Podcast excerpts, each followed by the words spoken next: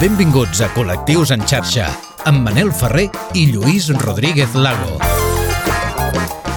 Benvinguts i benvingudes al Col·lectius en xarxa. Aquest any 2021, de fet que estem a punt de deixar uh -huh. enrere, és una data marcada al calendari, doncs tot just fa 40 anys dels primers casos que es van detectar de sida al món. I encara ara existeix un gran desconeixement i molts falsos mites que s'han anat quedant amb el pas dels anys en la història i que fan referència al sida i al VIH, que ja us diem, o ja sabreu segurament, que no és el mateix. Exacte. El, en el programa d'avui i aprofitant el Dia Mundial de la Lluita contra la Sida, ens proposem divulgar, llançar mites a les escombraries i guanyar consciència de la presència de la sida a la nostra societat i l'evolució un o no no, que està patint. Com sempre, ens situarem amb unes dades bàsiques i després sumarem aquesta conversa a Sebas Meyer i a Nacho Castrillón, president i vicepresident, eh, respectivament, de l'associació Stop Sida. Avui, al Col·lectius en xarxa, la, La sida. sida. Estàs escoltant Col·lectius en xarxa. amb Manel Ferrer i Lluís Rodríguez Lago.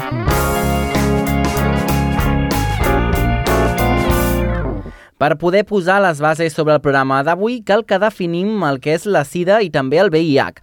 El VIH és un virus que afecta les cèl·lules immunitàries que s'encarreguen de protegir-nos a patir malalties. Per tant, la persona que ha estat infectada per aquest virus es converteix en portadora del VIH.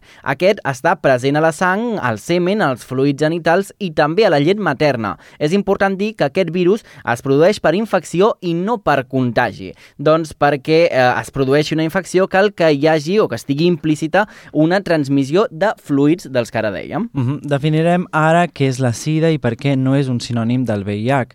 La sida és una etapa avançada del VIH que, a més, pot venir també acompanyada d'altres malalties oportunistes com la candidiasis, el càncer, les pneumònies, entre d'altres. Ara que tenim aquestes descripcions bàsiques, us exposarem una mica sobre la història del VIH i la sida. El passat estiu es van complir 40 anys dels primers casos de sida diagnosticats al món. Concretament, va ser el 5 de juny del 1981 quan el Centre pel Control i Prevenció de Malalties dels Estats Units alertava per primera vegada de 5 casos d'una estranya pneumonia en homes homosexuals que prèviament tenien un bon estat de salut i sense altres símptomes similars. Mesos després d'aquesta alerta van aparèixer altres casos de sarcoma de Kaposi i d'altres infeccions oportunistes a ciutats com Califòrnia i també a Nova York. Si cerquem dades de més a prop, a l'estat espanyol el primer cas que es va detectar va ser a un home de 35 anys que va ingressar a l'octubre del 1981 a l'Hospital de la Vall d'Hebron i el que també se li va detectar aquest sarcoma de Kaposi del que parlàvem i una infecció intracerebral. Amb aquest pronòstic, ràpidament es va relacionar el seu quadre mèdic amb els casos detectats prèviament als Estats Units. Però el fet de patir VIH porta implícits altres problemes no sanitaris, com per exemple raons socials, econòmiques i un patiment individual i també familiar quan es vol compartir aquesta situació. Amb la detecció d'aquells casos i de nous que anaven apareixent, es va començar a crear l'estigma que en gran part encara arrosseguem 40 anys després i els mitjans de comunicació del moment varen començar a parlar del càncer gay o del càncer rosa fent una relació directa amb els homosexuals, una relació que va ferir molt el col·lectiu. Aviat, però, es va començar a veure que també es donava casos entre persones que s'injectaven drogues. Amb tot, el món de la medicina va veure clar que començava una epidèmia social i sanitària que afectaria al conjunt de la societat durant la meitat del segle XX. Segons eh, ONU-SIDA i amb dades del passat 2020, gairebé 38 milions de persones conviuen amb el VIH arreu del món. D'aquests, un milió i mig van contraure la infecció durant aquell any en curs. Les causes de defunció també són altes, doncs s'estipula que 680.000 persones van morir al món a causa de malalties relacionades amb la sida. Les dades també preocupen quan ens fixem en l'accés que tenen les persones a la teràpia antiretroviral dels 37 milions de persones amb VIH, només 27 milions poden accedir a aquests tractaments. De fet, comentàvem una notícia Mhm, no, que, sí. que, ens, que sonava aquesta setmana no, d'unes restriccions a Madrid no, amb el Mhm. tema dels immigrants i la- l'accés a, aquestes, a, aquestes, a aquests retrovirals. De fet, que no se'ls donava accés i s'estava investigant realment si això era cert o no, però la Mhm. notícia era que segurament doncs, no, no tenien accés tots encara a aquests, a aquests a, tractaments. Si ampliem la lupa a Espanya i segons les dades que ens ofereix EP Data, durant l'any 2000 2019 els casos d'infecció de VIH van ascendir a 2.698. A més a més, es detecta que la infecció és més comuna en homes que no pas en dones i que la franja on es detecten més casos és la que oscil·la entre els 25 i els 39 anys. Perquè els pols oposats també s'atreuen, escolta col·lectius en xarxa. En aquests 40 anys, la investigació no s'ha aturat i en el cas de la sida i el VIH podríem dir que tot aquest temps ha servit per convertir la malaltia en una malaltia crònica. Doncs actualment amb una pastilla al dia es pot aconseguir controlar el virus i mantenir-lo indetectable i per tant intransmissible també. No? Malgrat tot, la investigació no es pot aturar i cal seguir treballant per trobar la cura definitiva del VIH i el que és més important, que tothom hi pugui tenir accés. Exacte, la investigadora Sara Morón López, que porta anys estudiant la conducta del VIH, explica que fins a dia d'avui no s'ha aconseguit curar la malaltia perquè aquest virus s'amaga dins de les cèl·lules i, per tant, és molt difícil estudiar el seu camí fins que no s'expressa per generar nous virus dins de l'organisme i tots els estudis estan pensats en millorar la qualitat de vida de les persones infectades, un temps de vida que fins i tot s'arriba a quantificar també, Lluís. Exacte, una persona amb 21 anys amb VIH s'estima que podria viure fins als 77 anys, mentre que una persona amb 21, amb 21 anys sense el VIH podria arribar a viure fins als 86. 9 anys de diferència, tot i que sempre depèn, evidentment, de cada cos, de cada persona i de l'evolució eh, i de com generi el cas mèdic. Malgrat que el VIH ja fa quatre dècades que està a la societat, encara hi ha una tendència a assenyalar les persones que en són portadores. De fet, això és important, eh? el uh -huh. Codi Penal, penal empara aquesta parcel·la de la intimitat i les persones seropositives tenen dret a mantenir en privat la informació del seu estat serològic i a la vegada, si una persona revela que una altra persona és seropositiva sense el seu consentiment, s'estaria vulnerant la intimitat de la persona i això està tipificat com a delicte. Uh -huh. A més a més, la persona que viu amb el VIH VIH té dret a no comunicar-ho en el moment d'optar un lloc de feina i un cop es trobi en el seu lloc de treball, l'empresa no pot fer ús de les proves mèdiques laborals per conèixer l'estat serològic dels treballadors sense el seu consentiment. Així mateix, el laboratori i, o professionals encomanat de realitzar aquestes proves té totalment prohibida la comunicació a l'empresa que el treballador és seropositiu i tampoc eh, pot aconsellar la seva no contractació, evidentment, per aquest aspecte. I en aquest aspecte cal introduir un nou concepte, la serofòbia, que ens el guardem mm -hmm. al nostre mm-hmm. diccionari sí. i que no és una altra cosa que el prejudici, la por, el rebuig o la discriminació cap a les persones seropositives. Aquesta serofòbia contribueix a la desigualtat de tracte social cap a la persona i a l'atribució d'un seguit de mites que no es corresponen amb la realitat. Aquesta discriminació que s'entén arreu del món contribueix a que les persones tinguin por a realitzar-se la prova del VIH pel resultat i les conseqüències que això li pot generar. La serofòbia també es vincula a l'aïllament social, la soledat, la baixa autoestima i la depressió que, es pot patir la que pot patir la persona diagnosticada amb VIH. Els mites i els conceptes erronis sobre el VIH són diversos i, de fet, ens caldrien molts programes eh, per poder mm. derribar-los tots, però recollirem alguns que reflecteixen l'entitat entitat Amigos contra el SIDA al seu web. De fet, eh, Lluís, segur que molts que ara quan els sentiu els heu escoltat, no? Mm -hmm, ja el sabeu. Doncs mira, a la primera anirem fent així com un partit de tennis, Exacte. no? El primer és que la SIDA es cura. Fins i tot si hi ha hagut teràpies triple, triples efectives des de 1996, encara no hi ha una cura efectiva per la sida. Les teràpies triples permeten viure millor amb el virus, però encara és present al cos. La infecció pel VIH s'evita utilitzant un mitjà de prevenció adaptat a les pràctiques. Un altre que hem sentit és que de sida ja no mor ningú al món. Doncs això és fals. No? A nivell mundial, 770.000 persones van morir per malalties relacionades amb la sida al 2018, segons un informe informe d'onocida. Sí que és cert que les teràpies triples han reduït considerablement la taxa de mortalitat.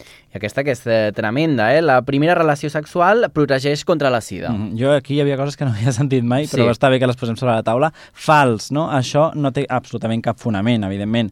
Amb una parella desconeguda, fins i tot si és la primera relació sexual que has de tenir, és important protegir-se usant el condó masculí o femení, per exemple. La píndola protegeix contra la sida també fals. No? La píndola és un mètode anticonceptiu, ajuda a prevenir l'embaràs, però no pot fer res contra la transmissió del VIH al cos durant les relacions sexuals sense protecció. Un preservatiu masculí o femení, si no es trenca, si no llisca, evita la, la infecció so, del VIH. Uh -huh. I aquest, que realment sembla ficció, però sí. és eh, cert, no és que la sida es transmet pels mosquits i Això també sí als banys sentit. públics. Això sí, ho havíem sentit, ho dels sentit. mosquits, eh? De nou fals. Els mosquits poden transmetre virus com el eh, chikungunya o el dengue, però no el VIH. El, ba el, en bany, banys públics més o menys nets és possible que us molestin les olors desagradables, però certament no et pots infectar amb el VIH. Llevat que tinguis sexe en aquests banys públics, evidentment, Clar. no protegits amb un preservatiu o amb una persona que està contagiada. No és la teva presència, sinó el que facis dins Exacte, d'aquelles eh, quatre exacte. parets. Eh? Um, aquesta també segur que l'hem sentit, i és que una persona que té sida se li nota que té sida. Exacte, no? sí, fals de nou. És impossible saber si una persona està infectada només mirant-la. El fet que sigui prima, tingui grans o tingui una gran panxa no vol dir que tingui VIH. No? Les persones que semblen saludables poden ser seropositives. Només una prova de detecció específica eh, et pot donar el resultat del seu estat serològic. I la darrera, n'hem dit que hi ha moltíssimes més, eh? però n'hem Mhm. recollit algunes, és que no pots tenir fills o filles si tens sida. També fals, el desig de tenir un fill és molt, molt possible quan tens o quan ets VIH positiu. Tot i això, cal planificar l'embaràs per beneficiar-se de l'atenció mèdica adequada i evitar el risc de contagi del nen o nena. Segueix-nos a les xarxes. Busca'ns i recupera tots els nostres programes, imatges i vídeos exclusius. Col·lectius en xarxa, a Twitter, Instagram i a les principals plataformes de podcasting.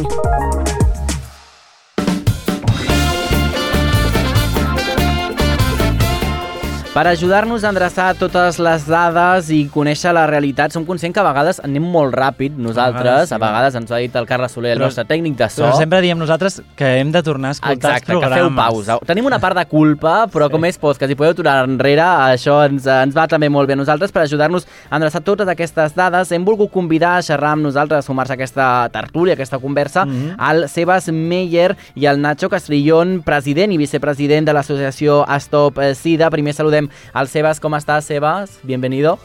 Buenas tardes, bona tarda. Bona tarda. I per l'altra banda, com deien, tenim el Nacho Castrillón. Com estàs, Nacho? Bona tarda, molt bé, gràcies. Nosaltres parlem en català, en responeu com vulgueu, com si I voleu tant. anar canviant eh, de- d'idioma mentre l'entenguem, doncs eh, anirem fent. Uh, la primera pregunta que us hem de fer perquè respongui el que vulgui, uh, què és el que feu des de la vostra associació? Pues eh, desde la Asociación Stop SIDA, eh, hace 35 años que estamos atendiendo tanto a las personas con VIH como a temas de, prevención de, de las enfermedades de transmisión sexual. Y lo hacemos desde eh, un grupo muy amplio de voluntarios y de técnicos que están en la sede y que eh, son las personas que llevan el día a día de la, de la entidad. Uh -huh. Uh -huh. uh, encara hi ha molt de desconeixement entre la població general sobre el VIH i la sida. Mm, acceptem encara eh, molts mites i falses creences com les que hem dit nosaltres avui al programa? Si vols tu, Nacho, per debutar. Eh, sí, realmente, eh, actualmente teniendo en cuenta toda la información que podemos disponer, tanto en, en redes sociales, en eh, Internet, sí que existe una gran desinformación o estigma, sobre todo con respecto al VIH. Creus, entonces, o penseu llavors que, que se'n parla, encara se'n parla poc, perquè és el que tu dius, tenim eh, associacions com, vosalt, com vosaltres, no? Eh, les xarxes socials plenes d'informació, internet ple d'informació, però tot i això hi ha una societat que no en vol saber res, que li dona l'esquena, potser no ens estem comunicant bé amb aquesta societat. Sí, me parece que efectivamente eh, a las personas no les apetece hablar mucho de, de enfermedades. Después cada uno tiene su, su, su mundo de imaginación con lo que está ocurriendo, pero realmente acudir y interesarse y profundizar eh, en el conocimiento científico de, de- de la situación es otra cosa. Entonces, al final, eh, creo que hay mucho prejuicio, mucho desconocimiento eh, y que es la tónica dominante sobre el tema del VIH de las infecciones de transmisión sexual. Pero eh, uno de los lemas sobre los cuales eh, eh, desarrollamos muchas campañas eh, en Stop SIDA es precisamente que el miedo no aporta nada. Eh, hay que evitar el miedo y conocer. Y es la mejor forma para vivir bien el placer de la sexualidad y eh, evitar las infecciones. Totalment. Uh, de fet, eh, Nacho, uh, avui en el programa d'avui hem descobert i hem posat sobre la taula doncs, el concepte de la xerofòbia. Um, existeix encara entre la població aquesta discriminació social, uh, política i també en el món laboral? Realmente, eh, según la información que nosotros podemos tener por las personas usuarias que eh, están en, en, la entidad, sí que existe eh, sobre todo mucha desinformación y esto produce a veces ese rechazo, pero el rechazo al final es sobre todo por la información. Si claro. tú no eres una persona informada, al final no sabes cuáles son los riesgos y si eh, te encuentras con una persona eh, con VIH, pues realmente no sabes, si no tienes información no sabes que, cuál es el riesgo verdadero. Mm -hmm. Totalment. De fet, eh, explicàvem, Lluís, també que el, el fet de eh, desvetllar doncs, l'estat de salut, sigui quin sigui, d'una persona, està també recollit eh, en el, eh, doncs, en el, el que penal, seria el no? Codi Penal. Uh -huh. eh, ¿S'aplican eh, este tipo de, de penas, el hecho de desvelar el estado de salud de, de una persona, en el caso de las personas eh, seropositivas? No sé exactamente hasta qué punto se, se pena este tipo Claro. de, de eh, cosas, pero sí que tenemos que valorar que no tenemos que pensar en el VIH, tenemos Claro. que pensar en cualquier tipo de eh, información relacionada con la salud de las personas. Es ilegal que se hable de ellas. ¿De acuerdo? Entonces, no solamente tenemos que pensar en el, en el VIH, sino en cualquier otra eh, enfermedad o situación de salud que tenga una persona. O sea, no podemos hablar de cosas que no nos competen. Claro. Claro. Sebas, eh, tu què li diries a totes aquestes persones que els hi fa por fer-se aquesta prova del VIH? Yo les diría primero que, eh, aparte que es algo que no hace ni, ni ningún dolor ni, ni nada, es, es la oportunidad, realmente el hacer la, la, la prueba de, del VIH es la oportunidad de hablar sobre su sexualidad y sobre la forma de llevarla y sobre la mejor forma precisamente de encontrar placer y no miedo y no enfermedades. Eso es lo primero. Y lo segundo es decir que en caso de que la, prueba salga positiva, el, el tratamiento que hay actualmente permite reducir de tal forma la presencia del virus que eh, la persona ya no puede transmitir el virus. Entonces es una noticia eh, realmente de, de las mejores que hemos tenido desde 10 años, es que cualquier persona infectada luego si puede eh, seguir el tratamiento y eh, hacerlo con, eh, con las pautas eh, Adecuadas. necesarias, eh, pues entonces ya se vuelve indetectable y del momento que es indetectable, pues ya no puede transmitir el virus. Y eso es una noticia fantástica porque a las personas que pueden haber eh, infectadas, pues luego eh, en su vida cotidiana, en su sexualidad, eh, en sus relaciones sociales, precisamente ya no hay ese miedo de transmitir la enfermedad, ese miedo de poder eh, ser un vector de, de- esa enfermedad. Claro, Nacho, eh, mm, totalmente de acuerdo con lo que estaba diciendo Sebas, pero es verdad que cuando se hace esta prueba y la persona le da positiva, no todo el mundo tiene las eh, herramientas, ¿no? En un primer momento para asimilarlo y, y- y para tener la fuerza moral mm, para asimilar pues el, el resultado de, de esa prueba. No estamos preparados, eh, o, o muy pocas personas, creo, eh, no están preparadas para, para ese momento, ¿no? ¿Qué, qué consejo les darías o, o cómo se tiene que hacer esta lectura de este resultado de la prueba? Eh, en este caso, yo no te podría decir cuál es el eh, cuál es la mejor opción, porque cada persona eh, es muy diversa.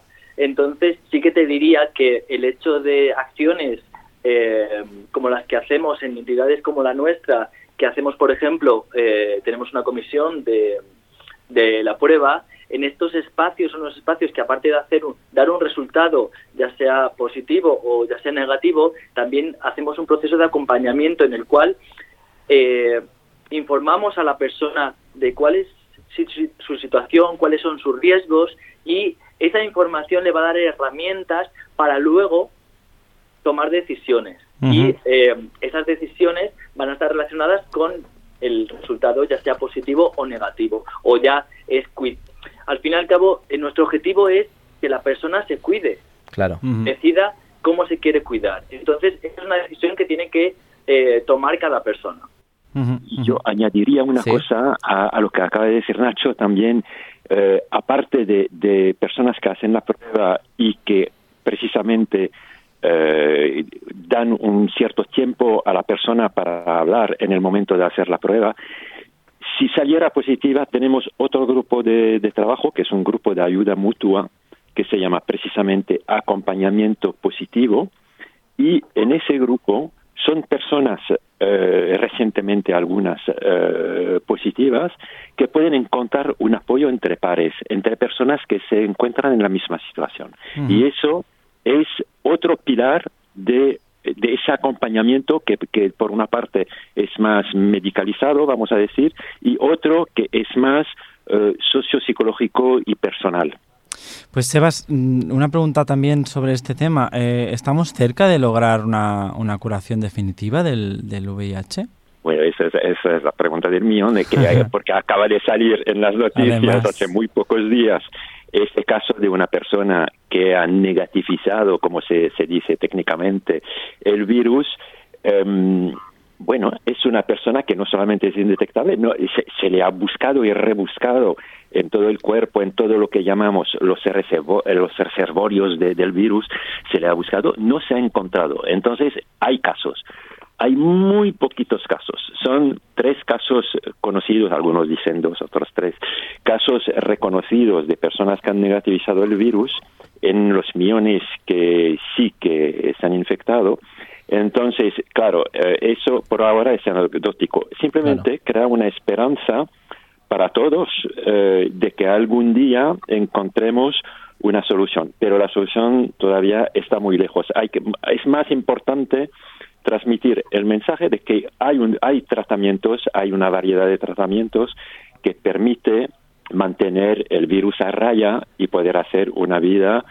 No vamos a decir como todos, porque eso no es cierto, eh, es vender una cosa que no existe, pero una, una vida absolutamente buena y tan larga y, y casi tan saludable como una persona sin VIH. Hay, hay problemas, ¿eh? hay problemas vinculados al VIH. Una vez que sea eh, que lo tenemos en el cuerpo ya es complicado tener eh, la salud como otra persona, pero sí que la esperanza de vida prácticamente ya se ha igualado. Y nos alegra mucho escuchar eh, esto eh, desde vuestro punto de vista. Al final también es muy personal, pero ¿se destinan los medios suficientes a esta investigación? ¿Aún se podría hacer un poco más? Obviamente, eh, con respecto a la investigación científica, si estamos hablando de investigación científica, obviamente que se destinan medios y es un objetivo bastante importante, pero tampoco podemos olvidarnos que, aparte de esa investigación, también hay unas situaciones personales de, las personas usuarias que nosotros eh, tenemos que también es importante que no solo, no solo nos centremos en la investigación, que es importante, sino que hay un día a día de las personas, también hay que, digamos, destinar recursos, tanto a nivel económicos como personales, para ese tipo de personas que tienen un día a día y que hasta que no encontremos o no se encuentre, digamos, una, una solución, pues esas personas tienen que vivir con el VIH. eso hay que sostenerlo. Tenemos que tenerlo en cuenta. Sí, podríamos añadir que eh, durante muchos años se ha insistido mucho sobre este objetivo eh, del 2020, ahora se ha puesto otro para el 2025, que es de que el 90% de las personas que viven con el virus estén detectadas, hayan hecho la prueba y se sepa si es positivo o no, que el 90% de esas personas estén acompañadas hacia el sistema de salud y que el 90% de esas personas puedan eh, volverse indetectable. Eso era el objetivo, ahora el objetivo se ha subido al 95% en los tres casos y se había añadido una especie de cuarto pilares del 90 de ser que las, eh, las personas tuvieran una calidad de vida correcta y ahora se ha incluso reorganizado todo este concepto para decir, no, por un lado hay los 3,90% que es de la, pata biomédica, pero hay la otra pata que hay que considerar la calidad de vida de las personas eh, en frente del VIH. Entonces ahora es donde no se dedican los suficientes recursos, donde se habla mucho por ahora, pero mm, de nuestro punto de vista no se hace todo lo que se podría, porque si no, no estaríamos aquí hablando Totalmente. de las dificultades de la xerofobia. Eh, hablemos un poquito también de la relación, o si ha habido relación entre, entre el, el VIH i la pandèmia del Covid. Ha afectat d'alguna manera especial el coronavirus a les persones amb VIH? Eh, esos datos son datos bastante eh, poco conocidos. Mhm. eh, eh, es ha afectado, ha afectado, te voy a decir, eh, esta SIDA está también relacionada con plataformas europeas y ahí sí que se ha investigado, en España también se ha investigado, pero para decir que eso se investiga en, en, en muchísimos países. Y la investigación da como resultados que sí, que las personas han tenido un empeoramiento de su salud mental. Ves que precisamente Sí, sí. es el punto donde hubo más eh, impacto de la, de la pandemia del COVID es sobre la salud mental de las personas eh, en frente del VIH. Tanto las personas que no han ido a hacer prueba de detección, ah, hubo menos pruebas de detección, la verdad es que las que se hicieron no han demostrado realmente que hubiera habido mucha infección desconocida. Sí, hay un pequeño retraso debido a, a la presencia de la COVID y que la gente no ha ido de forma sistemática como antes a hacerse la prueba. Pero el impacto no es tan importante. El impacto importante es sobre las personas que viven con VIH, que están que viven con soledad, con dificultades ya en su vida y que además han, se- han sido encerradas en sus casas Claro, la y sin poder recurrir a, a los a, a todo el apoyo social que podrían necesitar. Mhm. Totalment. Doncs uh, Sebas eh, Meyer, Nacho Castrillón, president i vicepresident d'Estopsida, moltíssimes gràcies Moltes per gràcies, haver-nos sí. atès i per respondre a totes les nostres dubtes, perquè crec que ha quedat una conversa prou completa. Moltíssimes gràcies i fins la propera, que vagi molt bé. Gràcies. Gracias, igualmente. Doncs que bé, Lluís, poder-los eh, sentir, resoldre Sí. tantes preguntes que a vegades són com molt genèriques i les donem per fetes, però cal parlar-ne, Cal ni cal que algú que i ens tant. sàpiga ens doni aquesta resposta i estigui a l'altra a l'altra banda per, per explicar-nos-ho, no? Um, marxem, va, marxem amb música. Marxem amb música, com sempre. El Col·lectius en xarxa ens acomiadem avui amb una cançó del 2008 de la cantant Duffy, que es diu I'm scared, parlàvem de la por. Sí. No? Doncs no tingueu por. Molt bé, no? és, el, que ens han missatge dit. que ens ha dit el, els nostres convidats, tant el Sebas com el Nacho. Gràcies per escoltar-nos, ens retrobem la propera setmana. Ens anem apropant a poc a poc al Nadal, no us donem Sí. més pistes. Aquí queda la cosa. Gràcies, Lluís Rodríguez Lago, a les vies de so. Gràcies. En Carles Soler, ens retrobem la propera setmana a la vostra ràdio local i sempre que ho vulgueu a la vostra plataforma de podcast. Adeu!